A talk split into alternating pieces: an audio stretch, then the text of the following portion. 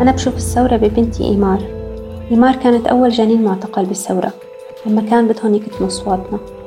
كانت الحلم الجميل اللي كبر معنا وكبرنا معه. عاشت الحصار والقصف وجربت التهجير واللجوء انشلعت من تربتها وانحرمت من حنان أهلنا ومن رفقاتها. يلي لسه بتذكرهم وكل فترة بتسألني ماما رح نرجع عدوما؟ لو سألتوها لأي بلد بتحبي تسافري بكل ثقة بيكون حلمها تسافر لسوريا. هذا صوت ميمونة العمار. أول مرة رأيتها أو تعرفت عليها كانت لحظة اعتقالها من قبل قوات الأمن السورية. حين كنا نتظاهر يوم 16 آذار 2011 أمام وزارة الداخلية بساحة المرجة بدمشق. يومها كانت ميمونة حاملا واعتقلت مع زوجها وجنينها فضلا عن نشطاء آخرين. فيما كنا أصلا نحتج للمطالبة بحرية معتقلي الرأي. سوريا العظيمة. بودكاست من إنتاج نون بوست أبحث فيه أنا أحمد حذيفة مع عدد من الفاعلين والخبراء والمعنيين مستقبل بلدنا سوريا بعد عشر سنوات على الثورة. وفي هذه الحلقة نعود إلى صرختنا الأولى، أول صدحات حناجرنا العالية والواثقة بالحرية والكرامة. أستضيف عددا من أبرز وجوه الثورة الأوائل لأطرح عليهم الأسئلة الصعبة. كيف تغيرنا خلال هذا العقد؟ هل كان الأمر يستحق؟ هل تعودون لو عاد بكم الزمن؟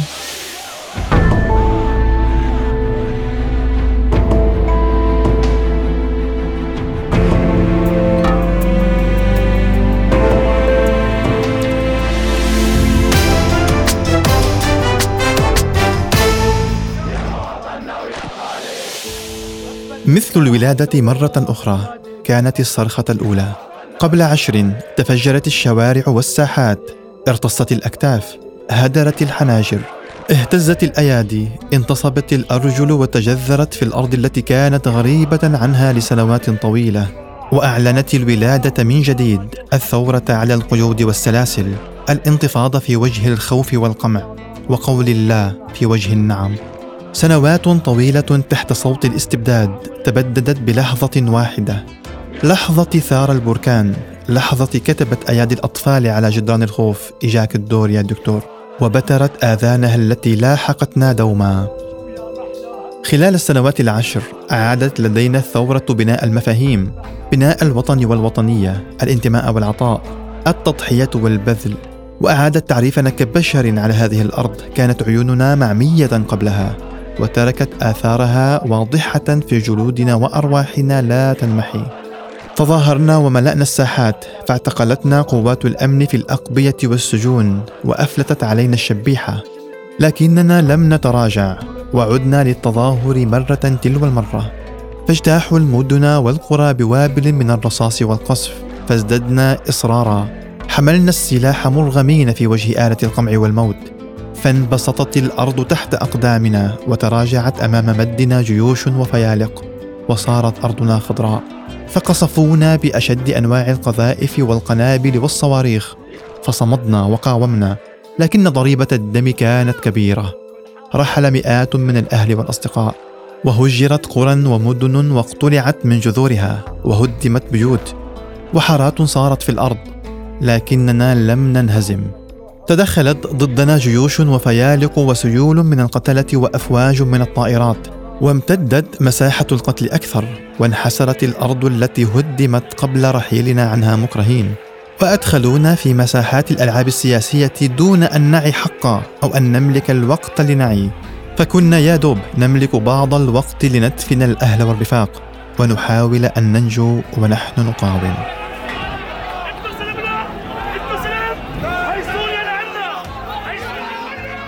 لكن الثورة قلبت حياتنا رأسا على عقب ولم نعد نحن كما كنا قبلها.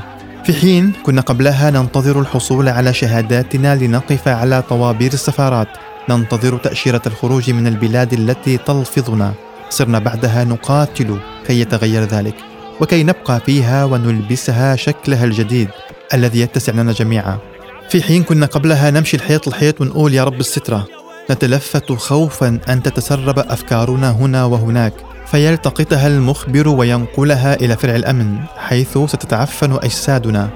هدمنا بعدها هذا الحيط ومشينا في منتصف الشارع رافعين مطالبنا بحياة حرة كريمة بلا خوف ولا ذل. في حين كنا قبلها يوترنا أن نرى شخصا بشاربه العريض والسلسال في رقبته يضع مسدسا على خصره ويلكن بالقاف الواضحه حتى كرهنا اللغة.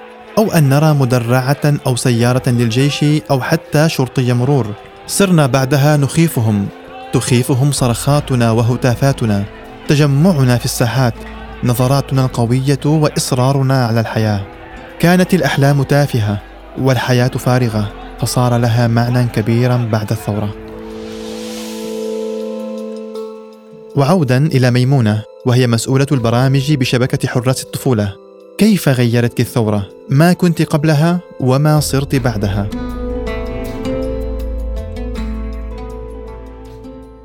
للحقيقة سؤال صعب. إذا بدنا نحكي على الصعيد الشخصي كنت صبية بالعشرينات مليانة طاقة وحماس خريجة جديدة من كلية الهندسة وطالبة ماجستير وعروسة جديدة.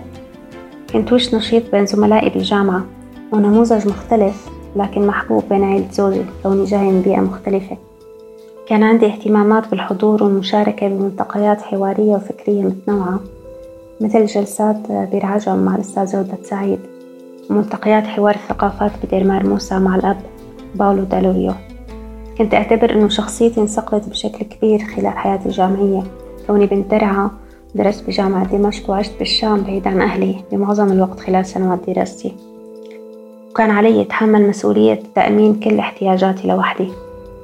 كان شاغل بالي كتير واقع الظلم والفساد اللي كنت شوفه كيف ما تلفتت بكل تفاصيل حياتنا.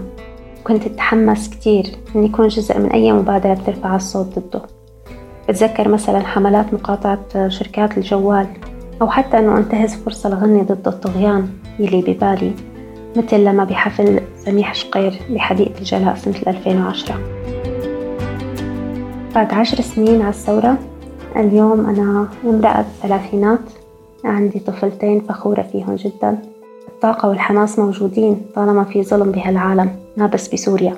حامل إرث كبير من الآلام وفي حزن كبير غربة وشتات. لكن حلمنا الكبير لساته موجود والأمل إنه ليل الظلم مهما طال ما بيدوم. قبل يوم من مظاهرتنا أمام وزارة الداخلية تلك كانت هناك مظاهرة في سوق الحمدية بدمشق. المظاهرة الشهيرة يوم 15 آذار 2011 كان أحد منظميها هو عمر إدلبي الناشط والباحث السياسي البارز توجهت له بنفس السؤال ما الذي أحدثته بك الثورة؟ آه، فيما يتعلق بالأشياء التي اختلفت آه، فيها آه، يعني عمر قبل الثورة عن عمر بعد الثورة هو بالحقيقة مسألة داخلية عاطفية أكثر أصبحت أكثر ضعفا أكثر هشاشة فيما يتعلق بهذا الجانب. أصبحت أبكي أكثر أتألم أكثر أشعر ب, ب... يعني أصبحت دمعتي قريبة كما يقولون أكثر من ذي قبل. في الثورة وبعد هذه المشاهدات لمعاناة الناس لدماء الناس للجرحى للشهداء للمعتقلين لعذابات الناس لمرارهم لتنقلهم الإجباري لاضطرارهم لتغيير مكان سكناهم بشكل قسري فقدانهم أحبتهم. آه، أيضا أنا فقداني الكثير من الأحبة والأصدقاء والأقارب. آه، تغريبتي عن حمص خروجي من بيتي بشبه هذا الشكل. كلها أشياء جعلتني أكثر هشاشة على الناحية من الناحية العاطفية. رغم أنني أعتقد أنني أصبحت أكثر صلابة فيما يتعلق بموقفي من الاستبداد. نورة جيزاوي شابة سورية اعتقلت وعذبت لشهور عدة في سجون النظام لمجرد التظاهر. لاحقا تولت مناصب قيادية في صفوف المعارضة. كيف تصف نورة حياتها قبل الثورة وبعدها؟ بالدرجة الأولى الثورة بالنسبة لي آه، هي لحظة ولادة جديدة. دائما ما أنظر إلى السنوات التي عشتها قبل الثورة أنها لا شيء كانت فقط تحضير آه، وحشد آه، وشحذ ذاتي وتحضر لتلك اللحظة. لكن بالنسبة لي عندما أريد أن أشير إلى حياتي أشير إلى الحياة التي ابتدأت في اللحظة التي ابتدأت فيها الثورة في اللحظة التي وجدت نفسي في الشارع في المظاهرة أصرخ حرية. بكل تأكيد الثورة آه، أرتني جوانب من ذاتي لم أكن آه، أستطيع حتى أن ألمسها. وربما على مستويات أخرى عززت لدي بعض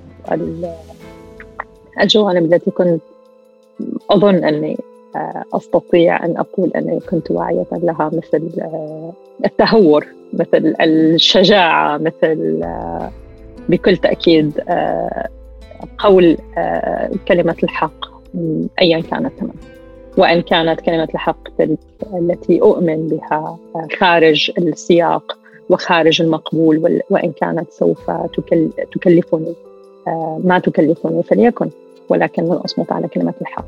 وبالتأكيد آه، هذه الجوانب آه، تجلب لصاحبها الكثير من المتاعب ولكن يا مرحبا بالمتاعب.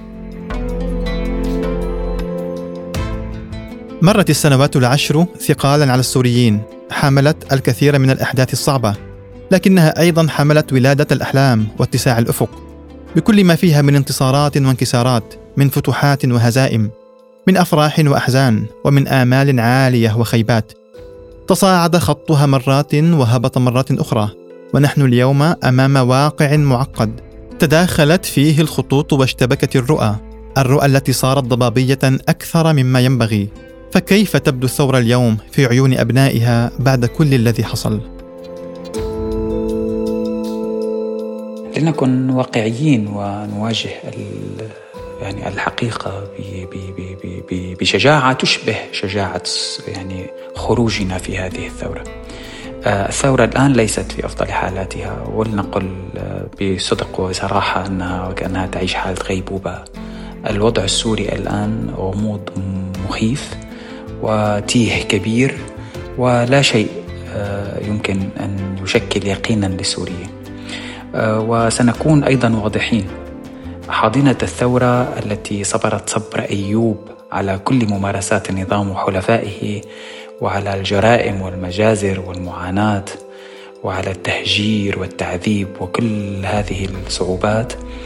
آه، يعني لم تتلقى الكثير من من المحفزات التي تجدد عزيمتها وآمالها. لذلك الحقيقة أن نخشى أن ما يسبب الألم والإحساس بالفجيعه للسوريين في هذه المرحلة آه، يعني هو كبير لدرجة أن يجعل اليأس أو ملامح اليأس تبدو واضحة على وجوه الكثيرين ولكن بالمحصلة يعني نقول أيضا أن الثورة رغم أنها في غيبوبة إلا أنها لم تمت آه، ربما انتصر النظام أو يبدو أن النظام انتصر ولكن الثورة لم تهزم حقيقة. هناك الكثير من عوامل التي غيرتها الثورة في الناس وفي الواقع لا يمكن العودة عنها. آه، لا سيما أنها أطلقت آه، يعني مارد الحرية من داخل السوريين. والثورات عموما تمنى بانتكاسات وبهزائم ويبدو أن خطها البياني تشوبه بعض الانكسارات ولكن الثورة السورية في الحقيقة خطها العام هو خط صاعد وخط يتجه نحو تحقيق أهدافه إن شاء الله.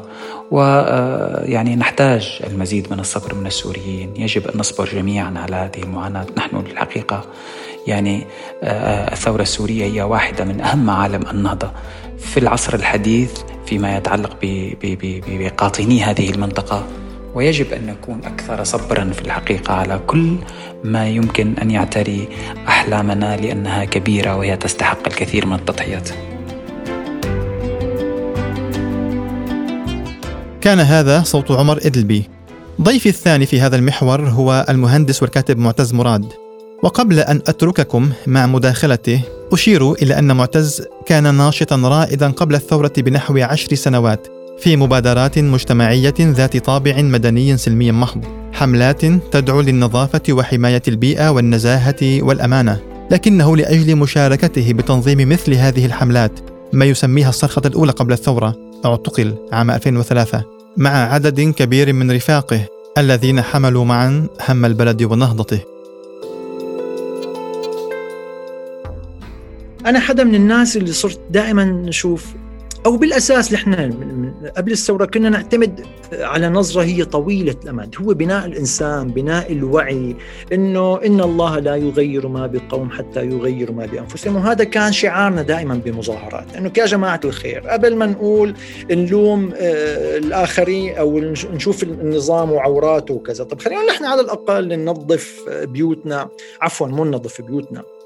وهي كمان متناقض انه بيوتنا نظيفه بس الشارع وسخ يعني. طب آه، تعالوا بس يعني أخي ما نزت الوسخ بالشارع. تعالوا أخي ننظف شارعنا. تعالوا ما ندفع رشوة. تعالوا ما نبيع صوتنا بالانتخابات. تعالوا نكون صادقين مع بعض. تعالوا نساوي هي الأشياء. وقطعا الحال تبعنا رح يتغير. هي هي كان هي كان صرختنا قبل الثورة. هلا يلي صار إنه أنت باللحظة الأولى من الثورة كنا رفقات كلياتنا كرفقات كنا موجودين مع بعض وتعرفنا على ناس رائعين كمان جداد أصغر مننا وأكبر منا كانت مدننا مثل ما هي كان مصالحنا الاقتصادية قائمة. أه وكان نظام الأسد المتوحش القوي المسيطر اللي له أزرع في الدول وكذا كان موجود هذيك اللحظة. حاليا بعد عشر سنين. للأسف يعني في يعني مدن دمرت. آه، فقدنا يعني أصدقاء وصديقات إما شهداء أو في السجون. أضف إنه نظام الأسد لا يزال قائم أو بشار الأسد يعني على الأقل هو موجود. طبعا اختلفت طبيعة النظام واختلفت قوته واختلف كل شيء ولكن قائم. هلا لأنه أنا بفكر هيك على المدى الطويل ولا بشوف إنه حاليا في نحن كنا قاعدين كهف. كهف يعني مزرعة مزرعة غير صالحة للعيش مع الأسف ولكن يعني آه، مفكرين أنه دولة. طلعت لا يعني طلعت مثل آه، مزرعة مثل مقبرة يعني آه، خارج العالم حقيقة خارج التطور خارج يعني يعني يعني خارج المنتج الإنساني يعني. حاليا في ملايين السوريين رغم الكارثة الكبيرة اللي صارت إلا أنهم هلأ يعني حول العالم عم يتعلموا وعم يدرسوا وعم يطلعوا على تجارب جديدة. هدول يوما ما شئنا أم أبينا فائدتهم وإنتاجهم والأشياء الجديدة اللي عم يتعلموها رح تعود بالنفع. على أهلهم وعلى مدنهم دم يلي دمرت وعلى مجتمعاتهم في سوريا وعلى وعلى مقدار الوعي يلي كان مفقود. يعني إحنا أخي بلشنا هيك آه، رحنا مع موجة آه، مصر وتونس. ولكن بعدين اكتشفنا إنه إنه يعني كثير أمور كان بدها شغل أعمق من هيك بكثير يعني.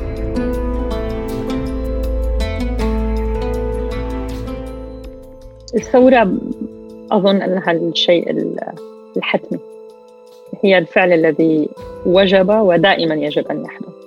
ما دائما في في الحوارات عندما ننظر إلى المآلات آه، الأوضاع الإنسانية وغيرها. آه، دائما ما يطرح بعض الأشخاص التشكيك أنه هل فعلنا ما كان صوابا أو آه، ربما كان يجب أن نكون أكثر حدة وغضبا وربما كان يجب أن أن نخضع ونلجأ للحلول الأكثر آه، ما يسمونها بكل تأكيد الأكثر حكمة وهي أن نذهب ونتفاوض مع هذا النظام آه، بدون أن آه، نطالب بإسقاط النظام بالتغيير ولكن يقيني الشخصي أن الثورة كانت شيء حتمي ولا تزال شيء حتمي وستبقى شيء حتمي. لأن بكل تأكيد حال سوريا لا آه، إذا قرأنا تاريخ سوريا كانت آه، بعض الأشخاص الذين سبقونا من سياسيين ومعارضين قد حاولوا تلك الحلول التفاوضية ومطالب الإصلاح والضغط ولكن لم ينفع لكن جيلنا قد وصل إلى النقطة التي لا يستطيع أن ينتظر فكان لابد من أن نثور. وقد فعلنا. منذ اليوم الأول في الثورة ارتقى شهيدان في مدينة درعا محمود الجوابرة وحسام عياش. ومن حينها ونهر الدم السوري يسيل على مذبح الحرية قتلا بالرصاص والقناصات والقذائف والصواريخ والبراميل وتحت التعذيب. حوصرت مدن وهدمت على ساكنيها وتهجر أهلها قسرا هناك مشاهد قاسية. وصور لا يمكن أن تنمحي من عقول السوريين مثل صورة حمزة الخطيب شهيدا تحت التعذيب أو هاجر الخطيب التي قتلت برصاص القناصة. سيل البشر الذي لا ينتهي في مخيم اليرموك المحاصر. الأطفال الجياع في مضايا. الطفل الكريم الذي اقتلعت شظية عينه وغيرها الكثير الكثير.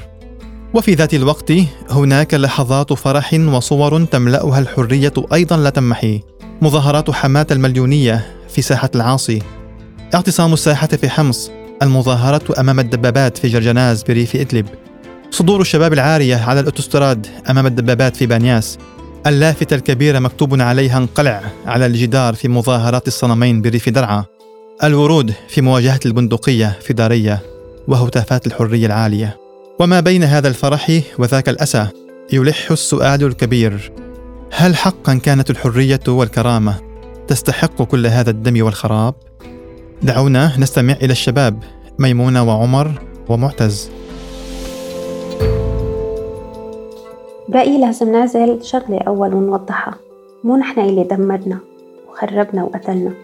في آلات قتل وإجرام تتحمل مسؤولية أفعالها. طلبنا للحرية والكرامة والعدالة ما ممكن أبدا ننظر له كسبب يلي صار.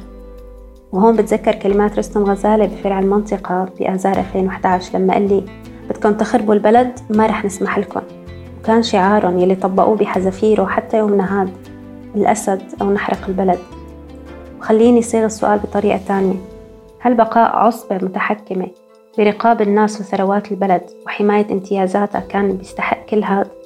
هل الاستئثار بمكتسبات فردية ومصالح أقلوية بيستحق كل هذا؟ هل لازم يفنى غيري ويتعذب لحتى أكون موجود؟ سؤالي موجه لكل الأطراف اللي ارتكبت الانتهاكات. ما ممكن تعويض الخسارات دماء الشهداء وعذابات المعتقلين؟ لكن بكل تأكيد ما ندمانين على الكرامة وما ندمانين على الحرية. أطفالنا بيستاهلوا مستقبل أفضل من اللي عشنا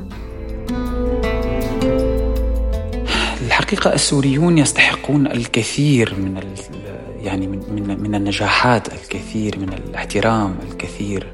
من الدعم من أجل تحقيق أحلامهم ولا سيما أنهم شعب طموح وشعب مكافح وشعب يقدم آه، الكثير من الجهد من أجل بناء مستقبله ومستقبل أبنائه.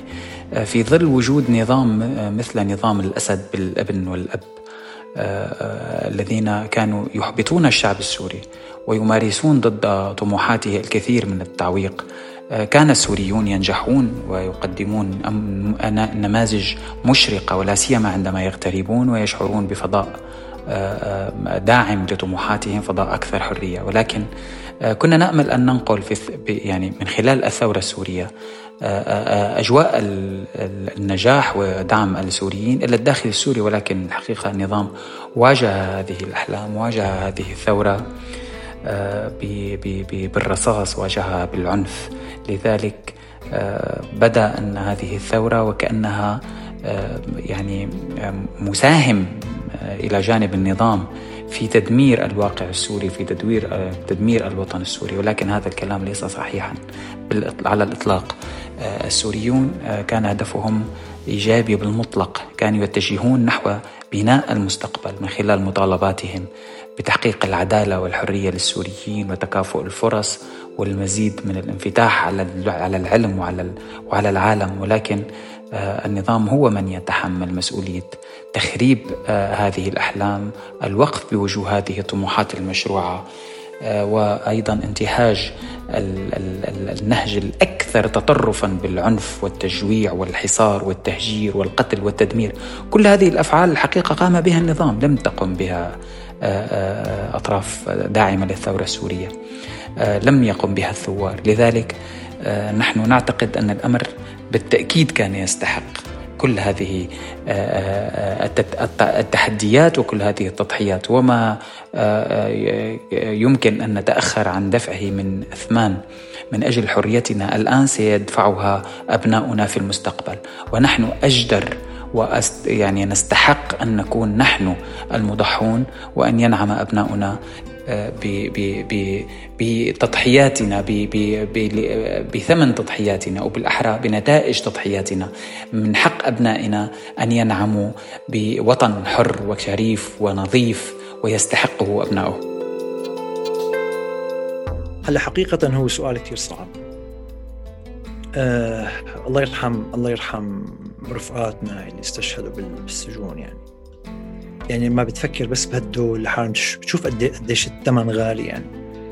بشعر هلأ لو لو برجع بقول لو نحن بنعرف إنه الثمن هيك كثير ناس ما آه، ما فاتت هالفوتة للأسف الشديد كثير من شبابنا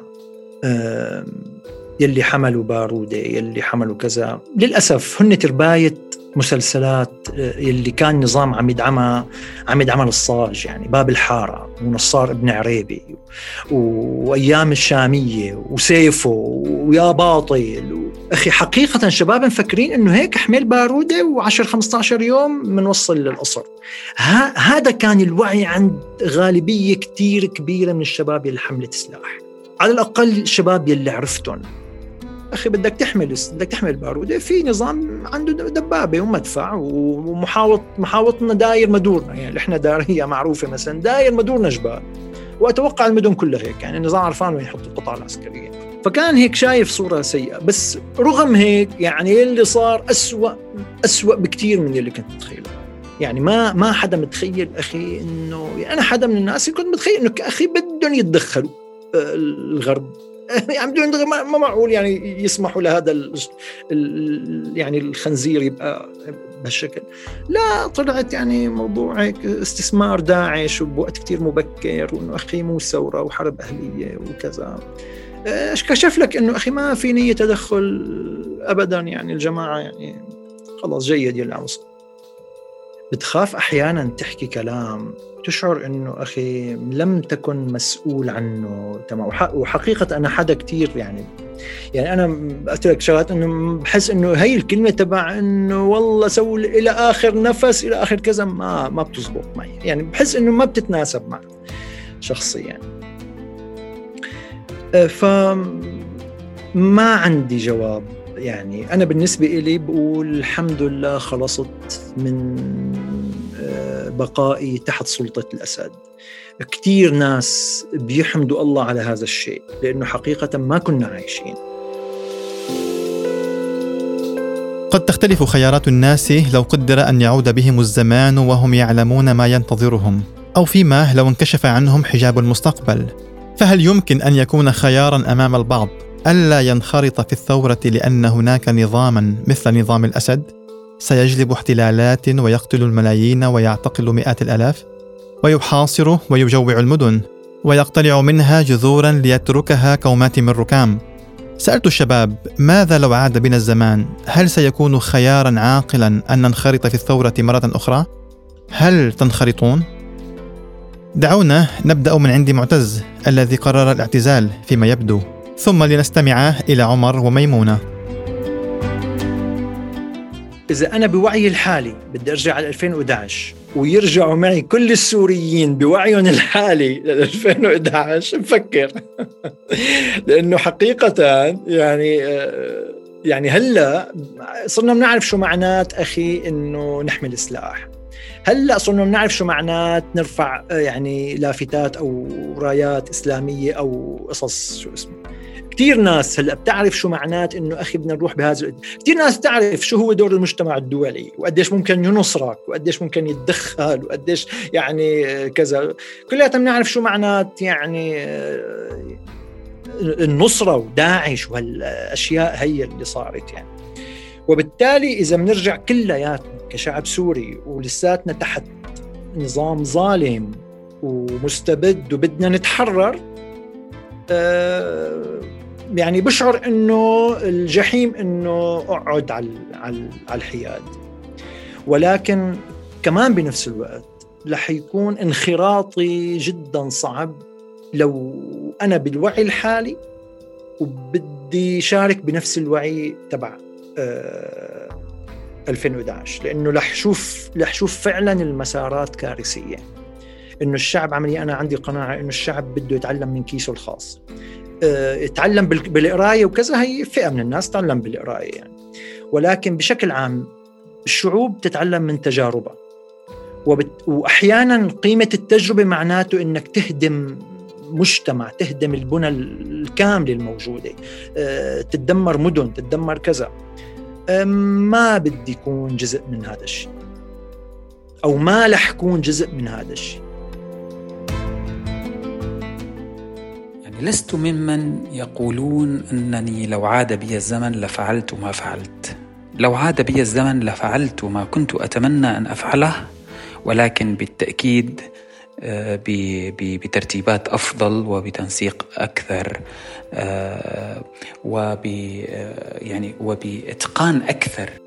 ولكن بالتأكيد لم تكن مسار أو لم تكن مسيرة الثورة ناجحة بكل ما تعنيه الكلمة من معنى.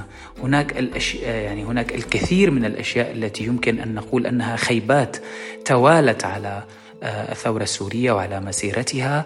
كانت نتيجة بالتأكيد آه، ضعف آه، تنسيق آه، آمال الشعوب وأحلامها وأهدافها لا تتحقق بالعشوائية لا تتحقق بالتلقائية لا تتحقق بهذه العفوية. كان الأمر يحتاج منا إلى تنسيق أكثر واتباع استراتيجيات وخطط منظمة ومتقنة. واللجوء إلى الوسائل والتكتيكات و آه، نجاعة لتحقيق أهدافنا. آه، بالتأكيد آه، يعني تعامل النظام بهذا الشكل العنفي والهمجي أطاح بكل التصورات التي كانت بذهننا كثوار لأنساق حراكنا الثوري السلمية. ولكن نحن أيضا مقصرون في كثير من المجالات ويجب أن نواجه أنفسنا بهذا التقصير. من أجل أن نكون صادقين وواضحين مع أنفسنا الثورة السورية هو استحقاق هي استحقاق أخلاقي قبل كل شيء. ويعني حاولنا ما, ما استطعنا رغم ضعف خبراتنا ولكن بالتأكيد هناك أشياء كثيرة كان يمكن أن نفعلها وقصرنا بالسعي من أجلها ولم نكن يعني نعرفها بشكل جيد لتساعدنا على تحقيق ما نصبو إليه من أهداف في الثورة السورية. لو عاد الزمان ما رح أكون شخص تاني لأن خيار إني أقول لأ للظالم وأنصر المظلوم ما خيار مرحلة وتكتيك بالنسبة إلي خيار وجودي مرتبط بالمعنى اللي ممكن أحيا كرماله. أنا ممتنة لكل العوامل اللي خلتني أخذ هذا الخيار. يلي الحقيقة كان خيار شبه حتمي إلا لو كنت بدي أختار كون مو أنا وأعيش حياتي منفصلة عن ذاتي وحقيقة الأشياء اللي بثمنها وبتعني لي.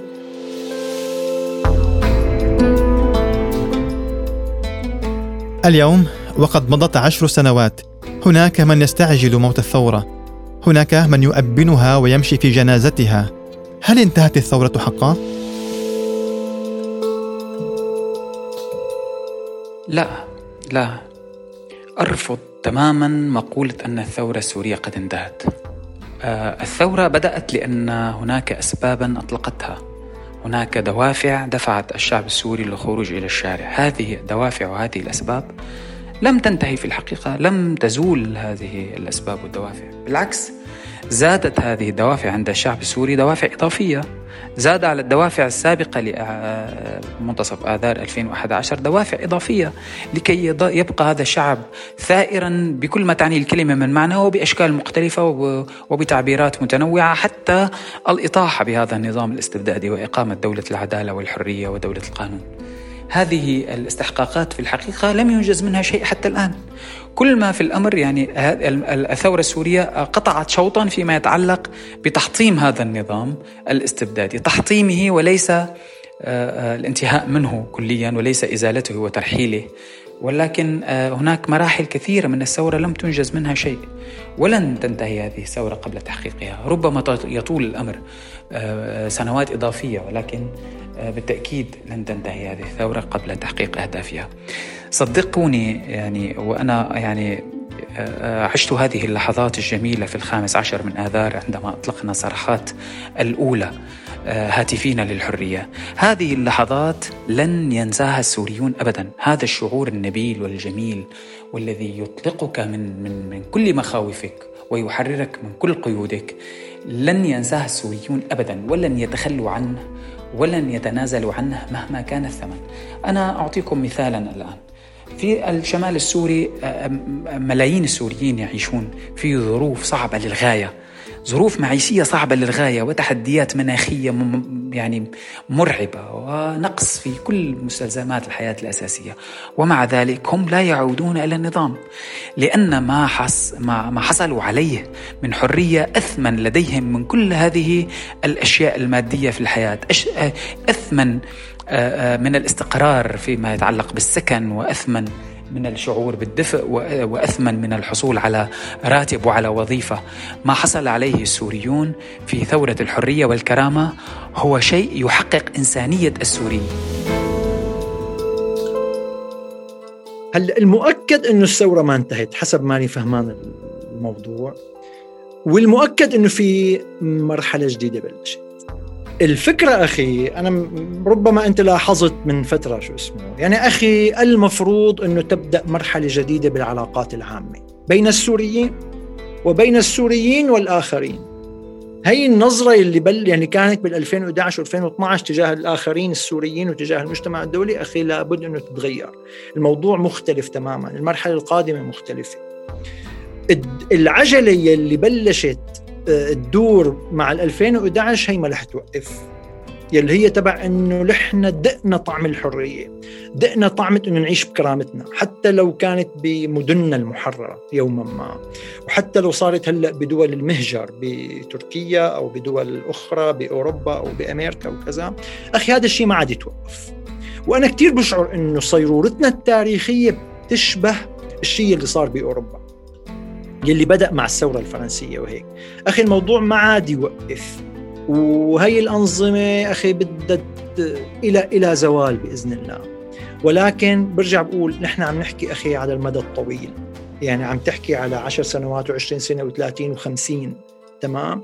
أه رح تتغير واولادنا اللي هلأ عم يربوا بهي الدول وأصدقائنا والسوريين عموما. ما عاد يقبلوا أخي يرجعوا على الكهف اللي كان بشار الأسد معيشه يعني حتى بشار الأسد يعني لن لن لن يستمر بإذن الله. ثورة بأهلها وناسها اللي قادرين يجسدوها وين ما كانوا وبأي عمل بينجزوه. لهيك بشوف حالة العمل المدني المتمسك بمبادئ الثورة واللي مطلبه تغيير واقع الناس لما هو خير. هو عمل ثوري واستمرار للثورة. بالنسبة إلي الثورة بأبهى صورها هي تجسيد لرسالة سامية رسالة سماوية بإحقاق العدل ورفع الظلم عن المستضعفين. هي رحلة حياة نقدر نعيشها كل يوم بكل موقف وكل خيار نختاره. ثورة قائمة طالما الطغيان قائم وطالما الإيمان فيها محفوظ بقلوبنا. ثورتنا المكسورة لساها ناطرة أولادها يرمموا جراحهم ويمسكوا إيدين بعضهم مثل ما كانت تتمنى دايما. لتغسل قلوبهم وترجع لها بياضها. الثورة بحاجتنا. ونحن بحاجتها لننتصر على أنفسنا ونصلح فساد قلوبنا. ونحقق السلام والعدالة اللي حلمنا فيهم.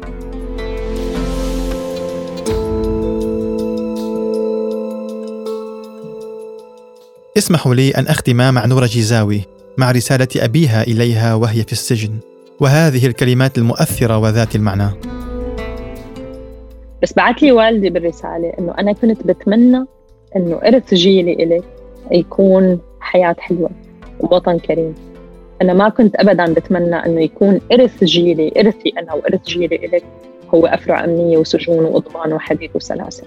وأنا كمان أبدا ما بتمنى إنه هذا إرثي على المستوى الشخصي وإرث جيلنا للجيل القادم إنه يكون آه، ذل وديكتاتورية وعنصر أمني يتحكم ويكون يشعر أنه هو فوق القانون.